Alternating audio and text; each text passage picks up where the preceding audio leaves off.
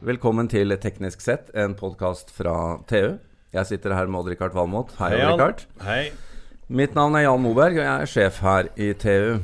Odd-Rikard, i dag skal vi snakke om uh, forbud mot oljefyring. Ja. Sånne sentralvarmeanlegg i boligen og sånt. Og sånn, ja. Ja, det- sånne ting sånn kommer. hadde jeg, vet du. Jeg har hørt det, og jeg har hørt at uh, du eh, tok uh, vinkelsliperen til verks. Stakk ja, haka fram. Det her var i, det her var Og, og bare demolished hele anlegget. Ja, og med litt mer. Det var i 84 hvor jeg drev og sa, saga ned et rød med en monstervinkelsliper. Eh, Selvfølgelig dårlig, dårlig beskytta. Men det er jo en av dine favorittredskaper. Det, det er det, altså. Og akkurat idet jeg kom gjennom det der eh, vannrøret, så kneip røret om eh, bladet og slengte det i ansiktet på meg. Fy fader. Så det gikk gjennom haka. Så du ser jeg har kløft i haka, igjen. Ser du det? Jeg har det. Ja. Dette kunne gått aldeles Dette har jeg ikke fra fødsel av. Det, det er self-made. Du kunne vært decapitated. Ja, ja. Men jeg fikk heldigvis sliperen rett i haka, så den tok av. Hvilke, hvilke diameter var det på dette bladet? Det var en eh, 22 cm blad. Fy Det faen. er en svær, svær sak. Ah, nei, vet du, 18. Ja, men samme det. Er, den tok haka, og så tok den eh, se her. På armen min. Den delte den òg. Der. Så jeg gikk foran køa på skaden. Det er en fordel. Vi skal være glad for, å, for å ha deg her, vi. Ja da. Dette er jo dramatisk, men uh, nå, for å rulle det tilbake til Men- temaet ja. Jeg var i gang igjen et par dager etterpå og Ja. demonterte hele oljefyringsanlegget. ja. Og siden har du putta inn panelovner. Siden har det vært panelovner og varmepumpe. Men det var før forbudet. Det var Nå før- var kommer det et, et forbud, i hvert fall er det tillyst. Og uh, for å skape litt uh, kompetanse rundt dette her, så har vi med oss Rolf Iver Mytting Hagmoen. Velkommen. Takk skal du ha. Norsk Varmepumpeforening. Rolf Iver, kommer det virkelig et forbud? Ja, altså det, For de som har sittet på gjerdet og tenkt at det forbudet ikke kommer, så er det på tide å komme seg ned fra gjerdet. For at nå har det vært utreda lenge. Det har vært ute på høring. Og i løpet av veldig veldig kort tid nå så kommer det vedtaket til å bli vedtatt på Stortinget. Og da vil det virke fra 1.1.2020. Etter det så er det ikke forbudt med fyringsolje, men det vil være forbudt med fossil fyringsolje. Ja, for det er jo et, er et viktig poeng her, men, men det er ikke sikkert det blir rimelig å skaffe seg alternativet da, til Nei, altså bare sånn kort eh, for, for, for de tusenvis av uh, lytterne som sitter der ute, så er det garantert noen som sitter på et oljefyringsanlegg. Og det mange lurer på, hva skal jeg gjøre for noe? Så det å kjøpe fossil fyringsolje som de har gjort i alle år, det vil da være forbudt. Så de alternativene du har da, det er jo biofyringsolje. Um, som det er mye diskusjoner rundt. Vil det være nok bærekraftig biofyringsolje tilgjengelig i årene framover? Men den er uansett dyrere enn eksisterings... eh, Hvor mye dyrere er den i dag, da? 20-30 dyrere hvis du går for den høykvalitets uh, biofyringsoljen, som er den du egentlig bør uh, gå for uh, for å ikke få problemer med anlegget. Altså Store industrianlegg de kan jo gå på frityroljer og alt mulig, men i boligsegmentet så må det ha høy kvalitet. Ja. Så hvor mye som vil være tilgjengelig av den framover, det vites ikke. Men klart det er den enkleste å bygge om til det, men da vil driftskostnadene gå opp. Og så har du pellets, og du har ved, og du har sol i kombinasjon med andre ting. Du har eh, el. elva, ja, elvarme? Og så har du varmepumpe. Mm. Men uh, det viktigste av alt det er å ikke gjøre det som Odd-Rikard gjorde. Og det er å ta ut det vannbårne anlegget. Det er det alle opptatt det, av. det Behold angrer jeg på i dag. Så altså. alternativet Det er ikke å, idiotisk. å ringe til Odd-Rikard og be han ta med seg monstervinkelslipperen? Ja.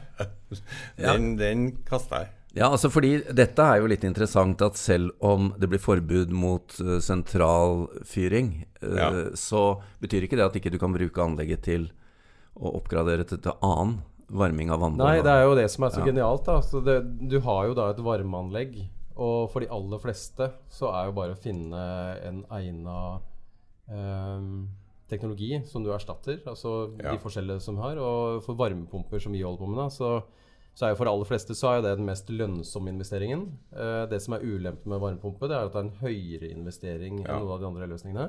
Men hvis du er opptatt av økonomi, og du ser på hva dine månedlige utgifter er, så vil de aller fleste oppleve da at dine månedlige utgifter blir redusert fra dag én.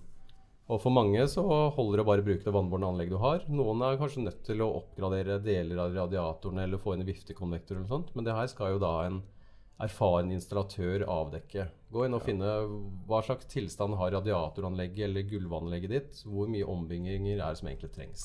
Dette var ikke noe alternativ i 1984. Nei, da var det vinkelslipperen som var alternativet. Så det ble pa- panelovner. Ja, så Hadde du gjort eh, det samme i Sverige, så hadde det vært masse leverandører klare til å tilby et alternativ. Mens eh, i Norge så var vi den gang enda mer elbasert enn i dag. Og da var det liksom panelovner som var løsninga. Ja da, og det er jo, vi må jo tilbake til det. Vi lever i annerledeslandet Norge, der vi har hatt uh, vannkraft miljøvennlig og rimelig i, i alle år. Så vi, vi lever jo litt utenpå de, de andre tyngdekreftene som andre land har å slite med. Men bare for å ta dette, eh, Rolf Iver. Altså det er jo selve varmekilden er jo eh, brenneren på et sentralfyringsanlegg. Ja. Det er jo der du må bytte varmekilde. Ja. Eh, hva skal folk gjøre da? Hvor, hvor skal de henvende seg? Hva skal de gjøre for å, for å få vurdert hva de bør bytte til?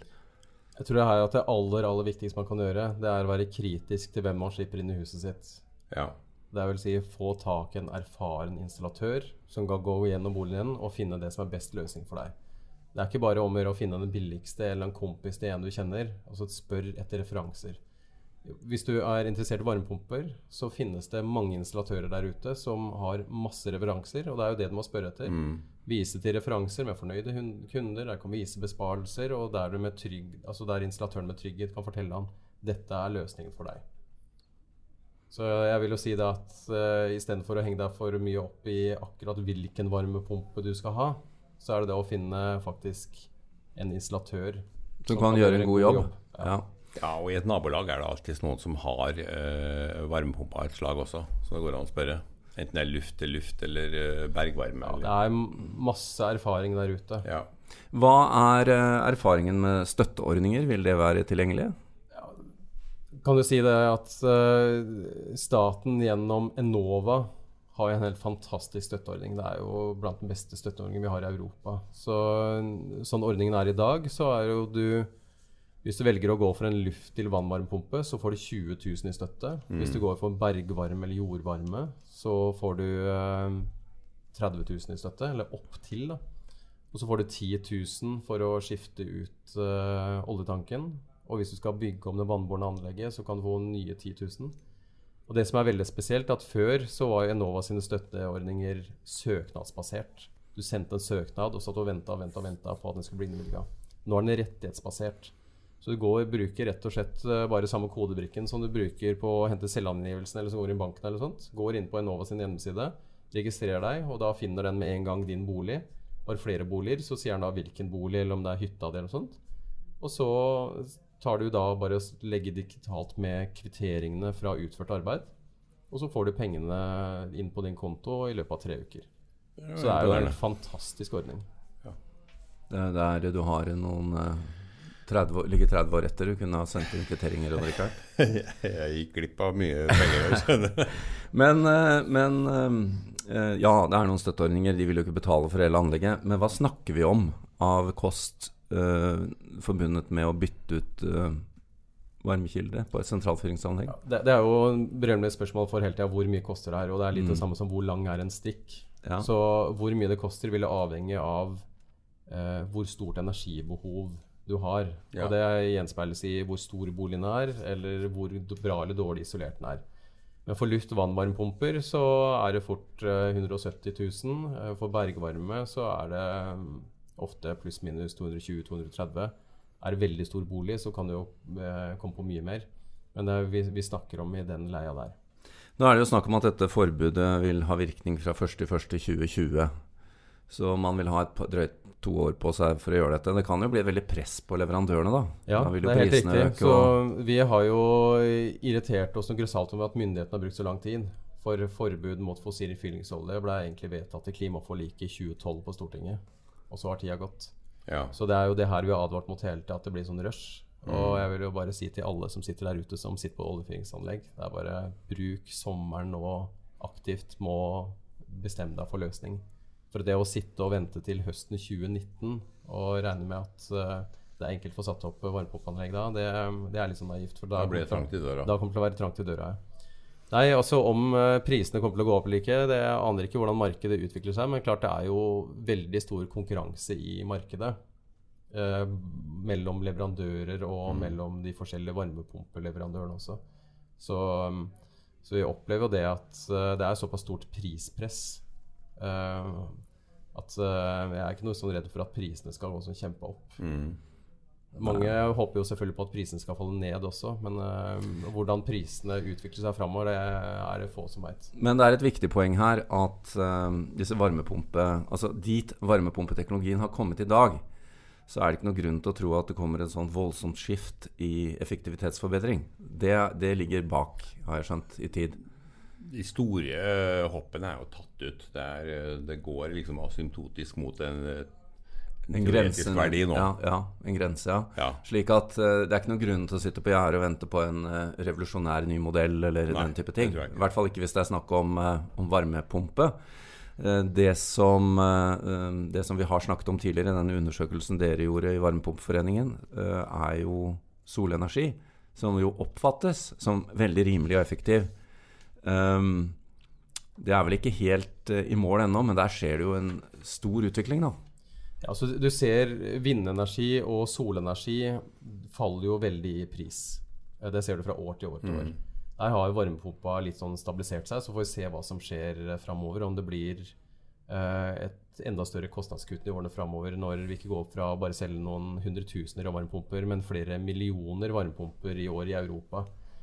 Men eh, luft til luft, der har nok prisen satt seg. For luft til luft er jo gigamarked rundt omkring i verden. Og så får vi se hva som skjer på luftvann, væskevann. Men hvis du bare setter deg litt i varmepumpebransjen, så er jo store svenske produsenter, store tyske produsenter, store japanske, kinesiske produsenter Så klart, varmepumper er big business per, per i dag. Det er hyllevare, det er som PC eller TV. altså det er Ja, vi må huske at den, eh, den stammer jo fra aircondition-markedet, som jo er kjempestort. Ja, det er luft-til-luft-varmepumpene. Og så Sør- er da luftvann og, luftvann og bergvarme er jo også en moden teknologi med ja, Hvis du drar på fabrikken og ser liksom eh, kvalitetssikringa som er der, så er det her høykvalitetsprodukter.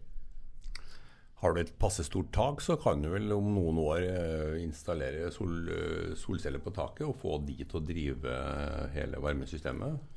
Ja, det er jo en diskusjon om, vil, eh, om du har lyst til å um, Ikke at det er vannkraften skal drive alt, da. Men eh, så hvor mye altså, I nesten nullenergibygg så tror jeg vi vil se mer solceller. Men uh, i utfasing av oljefyr så tror jeg vi kommer til å se ikke bare varmepumper, men solfangere i kombinasjon med, med varmepumper. Så der er det mye spennende løsninger ute allerede. Odd Rikard, her skal det skje mye, skjønner jeg. Det skal det. det Men, skal det. eh, det blir en tror du- hektisk bransje i åra fremover. Altså. Ja, Når det blir trangt i døra, tror Ja. du prisen på vinkelslippere kommer til å øke òg? Nei, jeg vil sterkt anbefale folk å overlate det til noen som kan, kan det vinkelslippere. Ikke stikke haka fram og ja, ja, skjære løs. Det var godt det gikk bra. Det gjorde det. Vi kommer tilbake med mer.